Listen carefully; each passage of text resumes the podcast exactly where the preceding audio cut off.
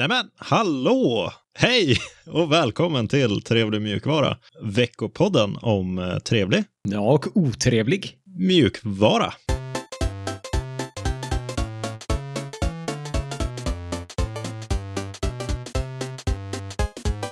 Mitt namn är Alex och med mig har jag som vanligt Seb. Jajamän. Jag är här denna veckan också. Fantastiskt. Vad har du hittat på de senaste veckorna? Den senaste veckan har jag forskat lite i kryptovalutor Just det. och eh, programmerat och lekt med min katt. Mm. Ja, du har ju lite skin in the game när det kommer till eh, kryptovalutan har jag förstått det som. Men Ja. eh, det behöver vi kanske inte grotta ner oss i. Nej. Men eh, vad ska vi prata om den här veckan då? Denna veckan så kommer det bli snack om nya Fedora. Sen är det Infinitime, Ubuntu och en ny skrivbordsmiljö från System 76 som vi kommer snacka om. Och sen har vi en otrevlighet som är ganska otrevlig och en trevlighet som är ganska trevlig. Ja, det låter ju som en bra kombination. Men eh, först nyheter.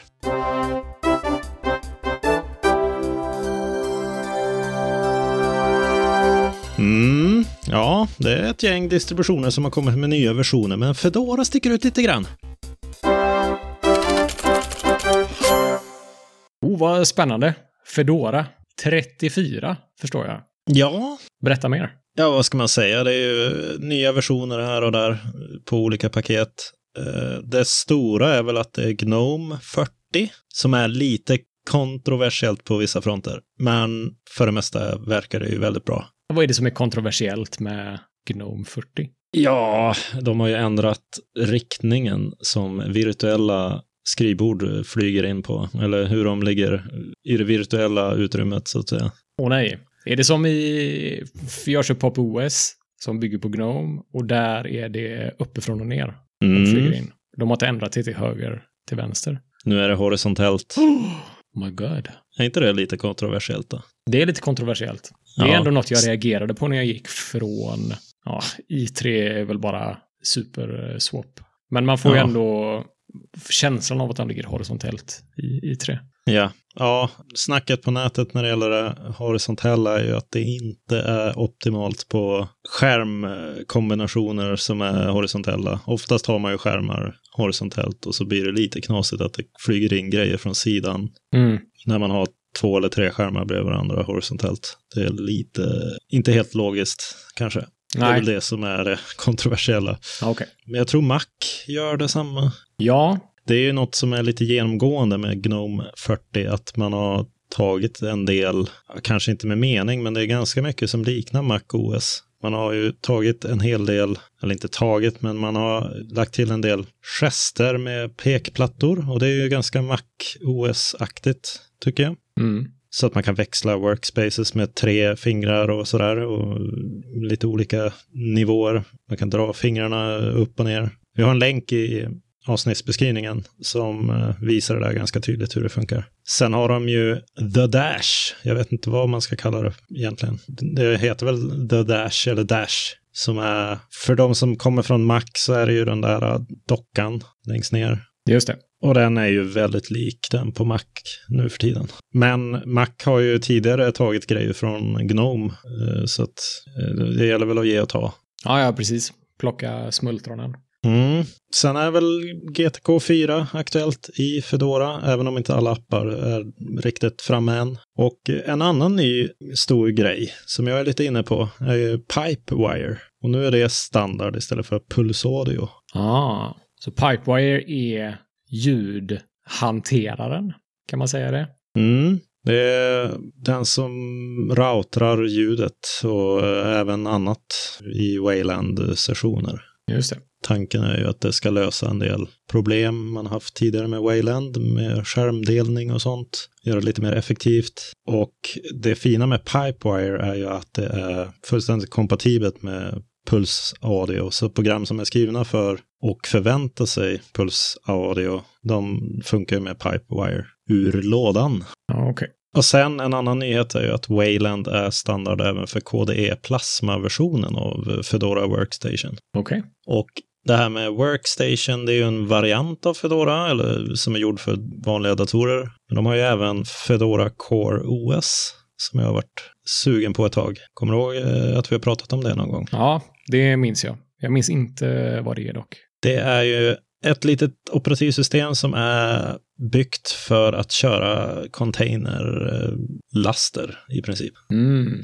just det. Så den försöker vara ur vägen så mycket som möjligt och bara köra containerlösningar. Just det. Som Docker och eh, vad heter det? Portman? Nej, vad heter det andra? Podman. Podman. Så, just det. Så, sen har de ju även Fedora IoT.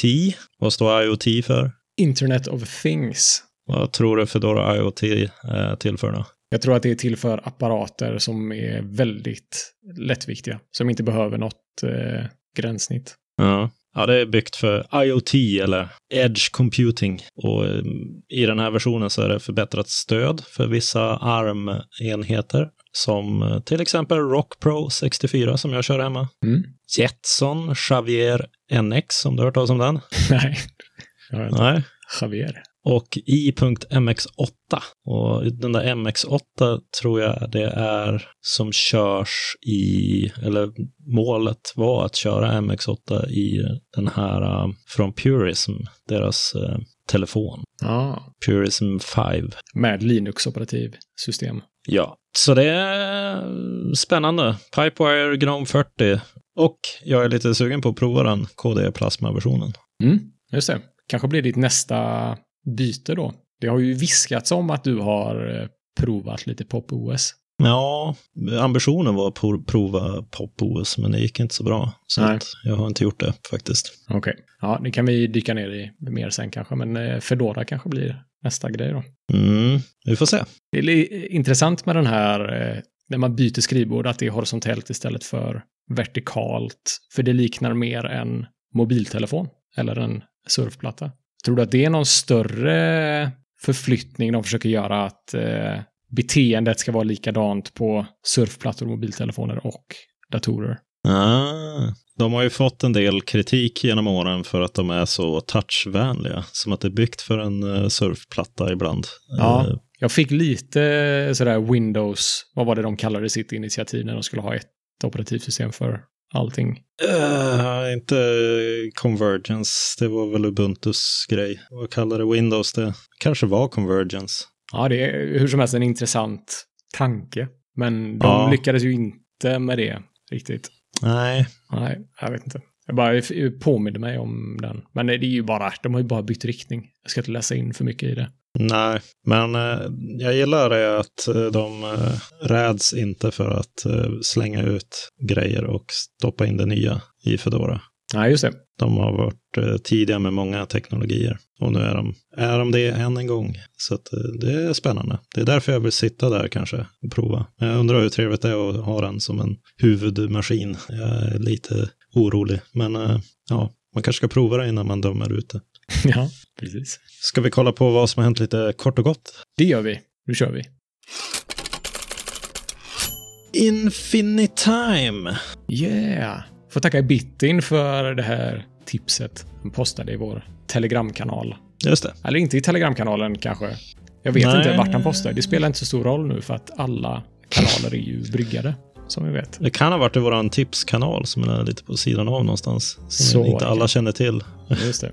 Hur som helst, Infinitime 1.0 är släppt. Vad är Infinitime och vem bygger det? Det är ett operativsystem för smarta klockor. Aha. Och det används bland annat i Pine Time, som vi har nämnt här i podden tidigare. Och Pine Time är ju Pine 64s smarta klocka. Just det. Så alternativ till Android Wear-enheter och Apple Watch. Ja. Ja. Och den släpptes ju nyligen i Pine 64s webbshop, den här Pine Time. I och med att Infinitime 1.0 blev färdigt så kunde de släppa Pine Time och sälja de faktiska fysiska enheterna. Och de sålde dem för 25 dollar styck. Vad tycker du om det? Oj då, det var billigt. Det är galet billigt. Frakten måste ju kosta mer än det där eller? Jag vet inte vad frakten var. Nu när du säger det så har jag för mig att någon rapporterade om vad frakten var i någon av våra chattkanaler. Just det, det var ju någon som hade beställt den där. Ja. Ska vi gröta runt i våran kanal och titta om vi Ja, det hittar? får vi nog nästan göra. Ja, 36 dollar kostar det inklusive frakt enligt eh, en rapport vi har här. Just det. Så eh, lite drygt 300 kronor blir väl det. Det är hur som helst galet billigt för en smartklocka. Ja, frågan är hur smart den är i den här eh, versionen. Ja, det är en jättebra fråga. Oavsett hur smart den är så går det inte att beställa den längre för att lagret är slut och Ja, den beräknas komma tillbaks i juni 2021. ja okej. Men det verkar vara brist på, brist på elektroniska delar. Jaha. Vi kan kolla lite på vilka features Infinitime 1.0 har. Alltså operativsystemet som Pinetime kör. Ja, Den har två stycken clock faces. Vad kallar man det? Urtavlor. ja, just det. En eh, digital och en analog. Mm. Den har en stoppklocka, musikkontroller, navigation och hjärtmätare. Pulsmätare. Ja, just det. Den har två spel inbyggt. Ett som heter Paddle och ett som heter 2048. Ja, just det. Det är det där spelet som alla spelade för något år sedan. Ja, där man ska kombinera pluppar, eller hur? Ja, ja jag spelar ju det aldrig. Men jag såg ju folk som spelade. Ja, just det.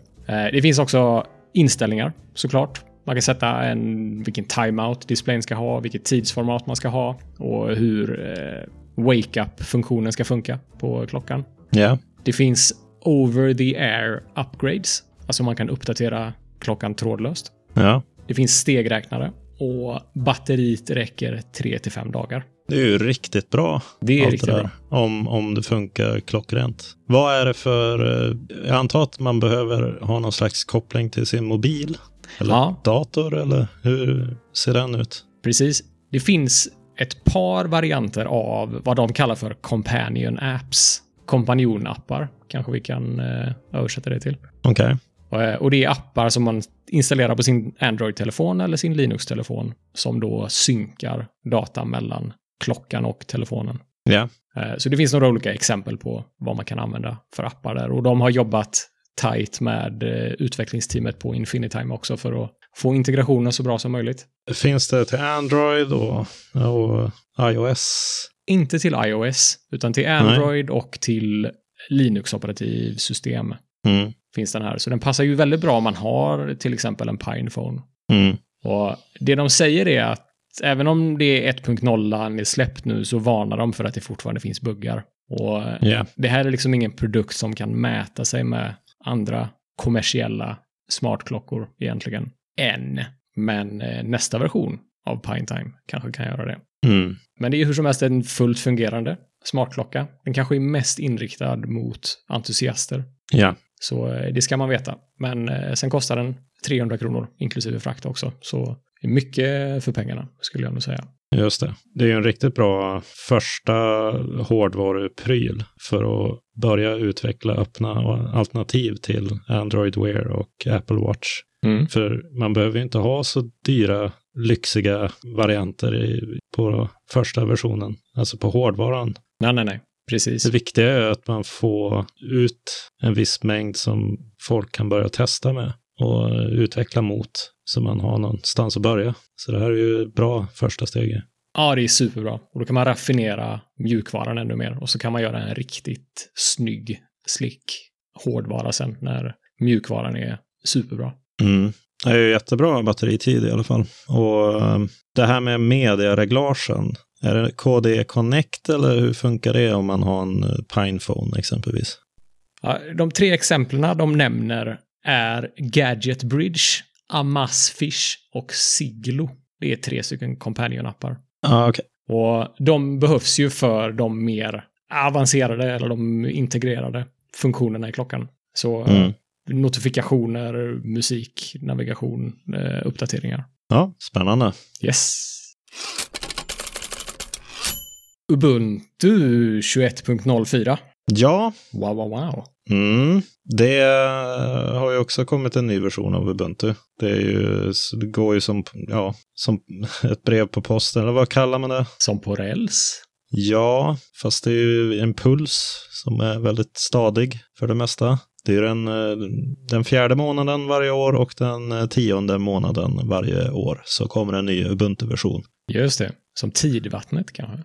Ja, någonting sånt. Eh, så nu har vi ju eh, månad fyras eh, version av Ubuntu det här året, så 21.04. Känns som igår vi snackade om Ubuntu 20.04. Är det så? Ja. Det var ju, det var ju ett år sedan. ja, det var det. Ja, ja berätta mer. Ja, det är ju Gnome 3.38 och inte Gnome 40. Det är väl det första man kan notera. Ja. Så de är lite mer konservativa än Fedora där. Men eh, man siktar på Gnome 40 i höstreleasen då. Just det. Men man har vågat sig på Wayland som standard. Oh. Mm. Det Och det säger ju en del. Ja, ja, visst. Men det här är ju ingen LTS, så eh, de har fortfarande möjlighet att backa. De har ju faktiskt gjort det här Wayland som standardmanövern eh, en gång tidigare, eh, för typ tre år sedan. Jag tror det var 1710 de testade det i. Ja. Och så ångrar de sig inför LTSen. LTSerna kommer ju alla jämna år och nu är det ju inte ett jämnt år utan och då blir det ingen LTS det här året men 22.04 är nästa LTS och då känns det väl som att man eh, har gott om tid på sig att få Wayland i bra skick. Just det. Man har säkert lärt sig en del också sen förra försöket. Och om Ja. de provar det igen så känns det ju spontant som att det är redo nu. Sen är det en del Microsoft-kärlek som vanligt när det kommer till Canonical. Man har bland annat Native eh, Active Directory-stöd och eh, man har fått sin eh, variant av, av Microsoft SQL-server certifierad av Microsoft också. Så Aha. det är tydligen ännu mer okej att köra på Ubuntu. Okej. Sen nämns Flutter, som jag vet inte varför. Man kan ju installera det på andra Ubuntu-versioner, men, men de vill väl pusha för det. eh, För det är ju deras nya satsning. Just det. Och för att eh, upprepa det vi snackade om för några avsnitt sedan så är det ju den nya installeraren för Ubuntu är byggd med Flutter. Och Flutter ska också vara standardsättet att bygga appar för Ubuntu framöver. Mm. Så det är väl naturligt att man lyfter upp det som en stor grej. Ja. Sen är det lite tema-polish, särskilt på det mörkare Jaru-temat. Så det, ja, går som på räls, som sagt. Ja, eller ja. Vad vi nu kom Eller fram till. tidvatten och så vidare. Ja. Trevligt. Ja, System 76 har ju några kosmiska nivåer av skrivbordsmiljöer, har jag hört. ja. Eller? Ja, ja, men det stämmer. De släpper en ny skrivbordsmiljö snart. Till vilket operativsystem då? Pop OS. Det är ju det du sitter på. Ja, Ah, det stämmer. Pop OS är ju också en variant av Ubuntu. Så det är mycket som är likt mellan Ubuntu och Pop OS. ja, Eh, Och bland annat så använder de ju Gnome, precis som Ubuntu gör. just Och. Den här nya skrivbordsmiljön kommer också bygga på Gnome. Men den kommer skilja sig mer från Gnome än vad den nuvarande gör. Så det verkar som att de håller på att distansera sig mer från Ubuntu med den här nya skrivbordsmiljön. Vad är det som är så annorlunda då? Eller vad är det som är deras eh, USP, Unique Selling Point, med Cosmic? Ja, jag ser egentligen inga superstora skillnader, utan de har gjort lite små justeringar. Och sen har de valt, de har väl döpt det till Cosmic då, för att på något sätt börja skilja sig ifrån Gnome. Men jag misstänker ju att de kommer eh, hämta hem uppdateringar från Gnome allt eftersom också. Ja. Och det beror på hur mycket de eh, börjar skilja sig åt, de här projekten. Just det. Några av skillnaderna i Cosmic gentemot Gnome är att dockan alltid kommer att vara synlig som default. Mhm. De kommer dela på aktivitetsmenyn som finns i Gnome nu. Så när man öppnar aktivitetsmenyn i Gnome så har du dockan synlig och du kan öppna din app drawer, vad man nu ska det. kalla det. Men eh, rutnätet med alla appar som du har installerade. Ja, det ser väl ut ungefär som på mobilerna. Att Exakt. det är bara en massa ikoner i, i rutnät. Precis. Så aktivitetsmenyn innehåller det och den innehåller alla dina öppna fönster och den innehåller en liten översikt på alla dina öppna skrivbord. Så det är tre saker som den innehåller i dagsläget. Men eh, Cosmic har valt att splitta upp det här så att det blir istället två stycken olika menyer. Så i den första menyn så kommer arbetsytorna, eller skrivborden, samt alla öppna fönster synas. Och i den andra så kommer det bara vara applikationerna. Öppna nytt program, eh, vyn, så att säga. Så de har plockat ut den från aktivitetsmenyn. Ja, Eh, ja en- det, är ju, det är ju vettigt att de sätter ett eget namn på det. De har ju haft lite skillnad i, i Pop OS mot Gnome innan. Men de har ju inte riktigt haft något eget namn för sin skrivbordsmiljö. Nej, nej men precis. Ja, men det känns, eh, känns jättevettigt.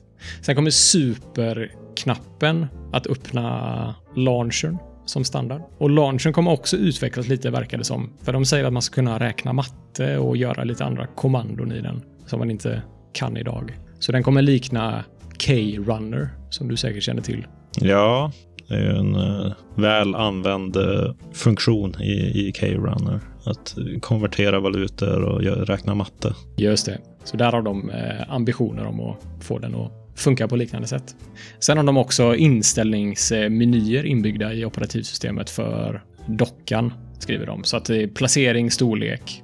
Du kan också minimera fönster ner till dockan, såklart. Och de Mm. pratar också mycket om filosofin bakom mus eller tangentbordsdrivet arbetssätt. Och det är inte så många andra som pratar om det, vad jag känner till. Men eh, System 76 verkar väldigt måna om att man ska kunna jobba bara med tangentbordet om man vill det. Så de har väldigt bra eh, sådär kortkommandon och menyer för att mappa om kortkommandon. Och jag har märkt det när jag har jobbat med multipla skrivbord och fönsterhanteraren i PopOS att det är väldigt bra integrerat. Eh, Så det känns skönt att de fortsätter på samma spår där. Mm. De är noga med att det ska passa båda de här arbetssätten. Både mus eller tangentbordsdriven. Ja, slutligen så letar de efter testare som använder Windows eller Mac OS i vardagen. De vill ha input från eh, det folket. Så om man sitter på. Windows eller Mac OS och vill vara med och testa det här nya gränssnittet så kan man gå in i länken i avsnittsbeskrivningen och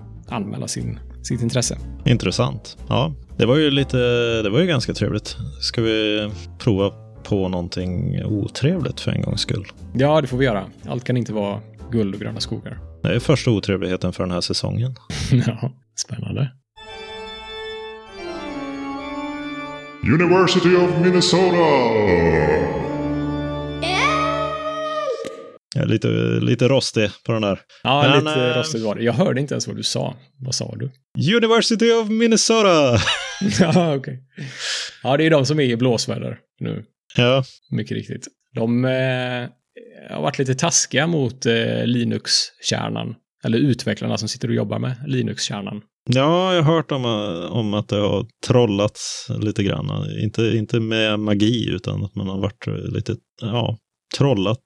Vad är, vad är en bra svensk översättning för Ja, det? men eh, nej, jag tycker trollat. Alla vet vad ett, ett in, internettroll är för någonting. Ja, in, ja internettroll. Mm. Jag skulle inte säga att det är trollning egentligen. Det är nog bara två stycken studenter som har tänkt lite fel. De har satt sig i något blått skåp, tror jag. Ja. De har ju gjort en eh, undersökning, eller ett experiment, de här studenterna. Och Ja. de ville undersöka hur Linux-kernel-teamet hanterar kod som skickas in som har säkerhetsbrister. Så de eh, vill se hur, hur funkar det liksom? Är det någon som kommer att fånga upp de här bristerna? Vad gör man åt det? Kommer de släppas igenom? Hur känsligt är det här systemet som eh, de jobbar enligt? Ja, Och det här har resulterat att de har blivit bannade. Hela universitetet, hela University of Minnesota har blivit bannade från att bidra till Linux-kärnan.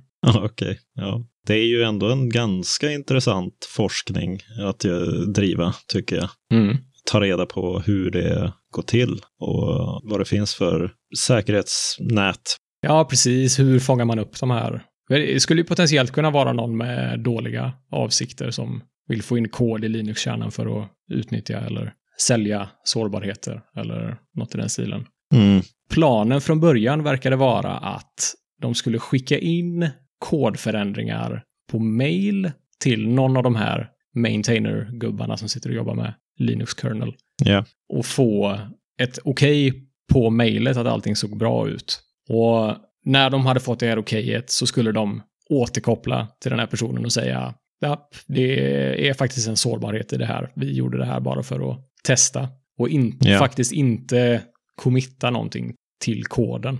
Eh, Men det, trots eh, detta så verkar det som att åtminstone fyra sårbarheter har lyckats komma med i commits in i koden. Så att eh, det Mm. har ju inte funkat riktigt som de ville från början kanske. Mm. Eller så är det en efterkonstruktion som de eh, berättar om nu. Det kan jag inte svara på. Man tar på sig lite foliehatt. eh, Ja. Ja, nej, jag vet inte. Det är ju svårt att veta vad deras intentioner var. Men eh, hur som helst så ville de ju göra det här för att kunna publicera sin rapport eller sin avhandling. Och eh, det gjorde de. Och den heter Open Source Insecurity. Stealthily Introducing Vulnerabilities via Hypocrite Commits. ja, Det är en eh, rapport man kan eh, läsa om man vill. det låter ju eh, som att det finns lite lärdomar där ändå. Ja, det kanske är så. Vet du vem Greg Croa Hartman är? Ja, han är ju nästan lika, Prominent. ja, som den här Torvalds. Ja, han är väl Torvalds högra hand eller någonting. Ja, Han gillade ju inte det här. Det är ju han som har lett eh, striden mot University of Minnesota. Det är han som har bannat dem också. ja, Och han har börjat gå igenom all kod som universitetet har bidragit med. mm. Bara för att vara säker på att sånt här inte har hänt tidigare. För de har Ja. mer kod historiskt sett än bara det här. ja, Så ja, det är ju som det. Universitetet har släppt ett utlåtande eller en ursäkt och säger att de kommer undersöka det här och de ser extremt allvarligt på det. Och Ja. de har stängt ner den här typen av forskning. Så det är väl inte riktigt eh, en etisk typ av eh, forskning. Nej, det är väl lite som att, eh, jag vet inte, sk- sk- skjuta en apa och sen kolla om man överlevde. ja, precis. Eller dränka, hä- dränka häxor. Vad var det de gjorde? Binder stenar vid fötterna och om, kastar ner dem i vattnet. Och om personen sjunker så är de inte en häxa. Och om personen flyter så är de en häxa. Ja, ty- summa summarum så dog ju alla ändå. ja. Men eh, de som jobbar med Linux-kärnan kanske har lärt sig någonting ändå av det Ja, här. ja man får ju hoppas det. Precis. Eh, ja, studenterna har också bett om ursäkt. Eh, alla ber om ursäkt. Och alla är ledsna över att det blev som det blev.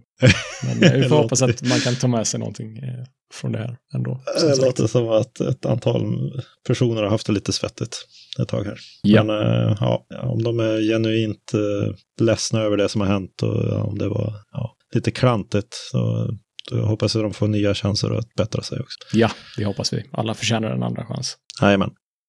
Ska vi ta och kika på någonting lite trevligare kanske?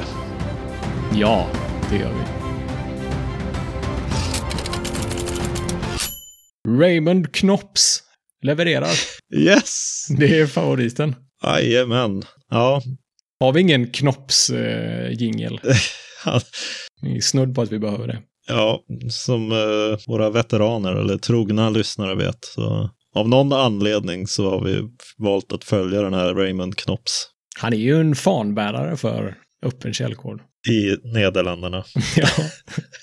ja, han är en bra, en bra snubbe verkar det som. Vem är den här Raymond Knops? Eh, Kan vi berätta kanske? Ja, kan inte du göra det? Ja, han är ju inrikesminister i Nederländerna. Så är det. Och han har ju varit på tapeten när det kommer till open source inom, eh, eller öppen källkod inom eh, statlig verksamhet, offentlig verksamhet. Det har ju varit en del diskussioner där. Just det. Jag tänkte vi kan ta och lyssna tillbaka Mm. på eh, avsnittet när vi upptäckte Knops för första gången. Vad roligt. Eh, 5 maj 2020. Ja. Eh, Avsnitt 5 i säsong 3. Faktiskt så att inrikesministern i Nederländerna, Raymond Knops heter han, har eh, skrivit ett öppet brev till parlamentet där han förklarar sina intentioner kring en policy om eh, fri mjukvara som standard. Okej. Ja, och så tar han upp och understryker fördelarna med det för samhället i stort. Ja, just det. Och det här började 2018, eller egentligen 2017, men det började 2018 med att medlemmar i det här parlamentet höjde rösterna i samband med en budgetdebatt. Ah, Och- jag känner igen det här i det Public Money, Public Code. Det kunde man tro, men den här artikeln är ju från Free Software Foundation Europe som Ja. styr och ställer i den där kampanjen. Men eh, det är ju, det hänger inte ihop med det ändå. Okej. Eh, Men de har, de har väldigt många likheter. Mm. Men i den här rapporten från 2017 så påstår man att med fri mjukvara så kunde man göra, kommer man att göra staten mer transparent, reducera kostnader och samtidigt stimulera ekonomin. Så inrikesministern då, Raymond Knops, han kommer att rapportera om framstegen som gjorts i början på 2021 och Free Software Foundation Europe välkomnar ju alltihopa och kommer att följa upp det här äh, noggrant framöver. Härligt. Och det tror jag nog att vi också gör. Ja, det tror jag. Mm. Och det gjorde vi. Ja, vi har ju följt honom i flera avsnitt nu. Han är en, en, nästan en maskot. ja. Vi borde ha ett sånt eh, klistermärke i vår shop.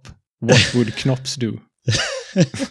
ja, om, vi, om det blir någon shop någon gång så kan vi fundera på det. Ja. Nej, så han har ju sprattat eh, till liv nu. Ja, han har ju producerat sin open source policy den 20 april. Så det var ju ett litet tag sedan, eh, åtta dagar sedan, när vi spelade in här. Och i det så skriver han till parlamentet följande, bland annat, ett ganska långt dokument på nederländska, men eh, jag fick ju ja, damma av den och... damma av nederländskan, ja, jag ja. förstår. Min vädjan till offentliga tjänster är att släppa källkoden, såvida de inte har goda skäl att inte göra det. Och goda skäl för att inte göra det är detaljer kring försvarsverksamhet, nationell säkerhet, sånt som kan avslöja hemliga arbetsmetoder, skriver de. Mm. Det här dokumentet innehåller ju en massa saker.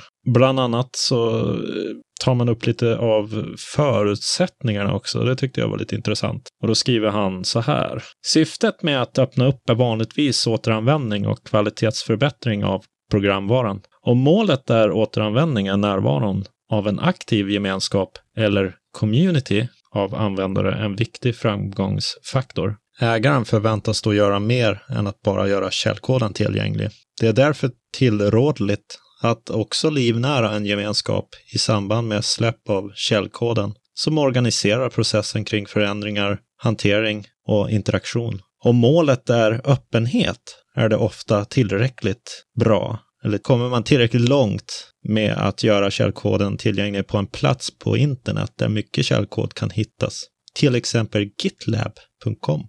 En aktiv grupp av användare är då inte nödvändig. Så i det här dokumentet så går man, det är som att man aldrig har tittat på öppen källkod och ska försöka greppa vad är det och hur funkar det och vad är ja, förutsättningarna. Verkligen. Ja, roligt, men han verkar ju ha slått huvudet på spiken där i alla fall. Det är ju mycket, han beskriver det bra. Ja, verkligen. Jag. Det är jätteviktigt att ha en, antingen en grupp människor, ett slags styre i ett sånt projekt. Mm. Eller att ha det öppet som han föreslår. Det är roligt att han rekommenderar GitLab. Ja, det tyckte jag också var roligt.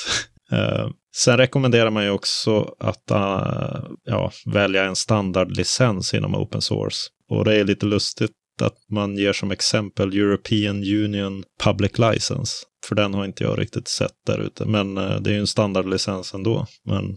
Ja, intressant. Det har inte jag heller gjort. Men det kanske, den kanske är mer skräddarsydd för statlig, statliga verksamheter. Den verkar ganska enkel. Man får använda och distribuera mjukvaran och licensen behöver följa med och ändringar behöver bubbla upp och det är inte jättekomplicerat i okay. grova drag. Sen eh, tar han ju upp en del positiva effekter i det här dokumentet också. Att eh, publicering av källkod för programvara gynnar allmänhetens intressen, inklusive innovation, ekonomisk aktivitet, öppenhet och informationssäkerhet. Och så slöseriet minskar av skattemedel. Ja. Och man har även tagit fram lite så här uh, faktiska siffror som är ganska stora. Där man hävdar att om uh, nederländska offentliga verksamheter väljer öppna lösningar i 20 procent av fallen så kan man spara mer än 1,1 miljarder euro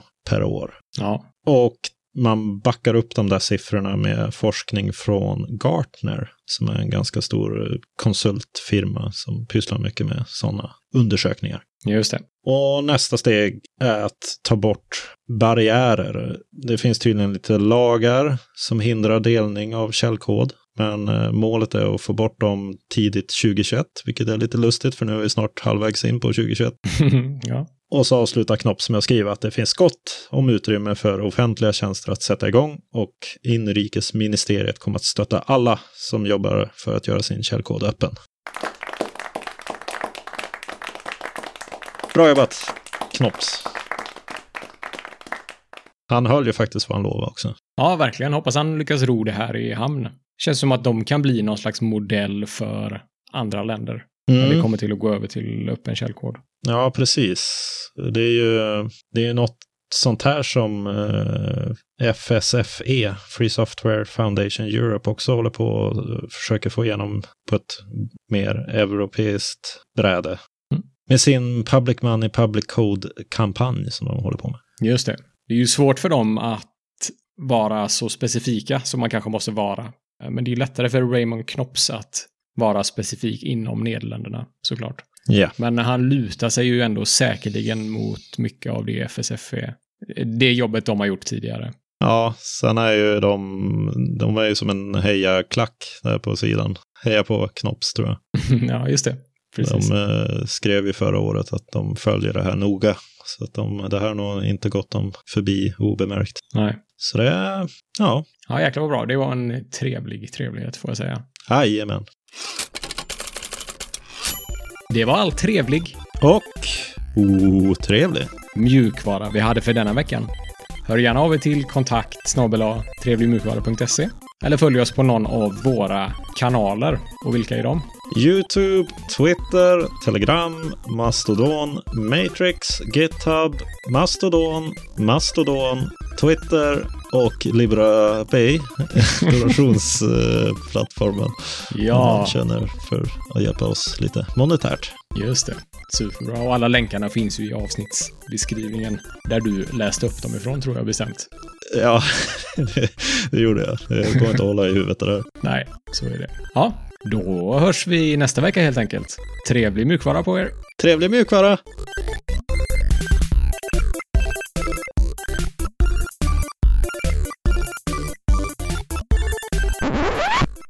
Jag tycker det är lite intressant att de har gått över till att...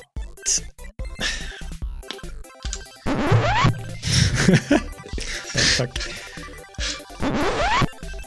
Det är väl... De vill... vill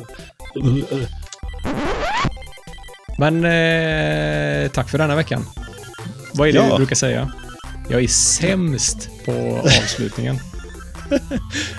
det är bara... Tack för denna veckan var ju bra. Det var ju något nytt. Det har ju aldrig sagt innan. Nej, men det har vi infört nu. Ja, okej. Okay. okay. tack för denna vecka. Vi hörs nästa vecka. Det blir väldigt mycket. Ve väldigt mycket vecka. Mm. Vad brukar tack. vi säga då? Tack för denna. Uh... Nej, jag brukar inte säga tack. Då hörs vi nästa vecka. Så brukar vi säga. Mm. Gör en... Uh...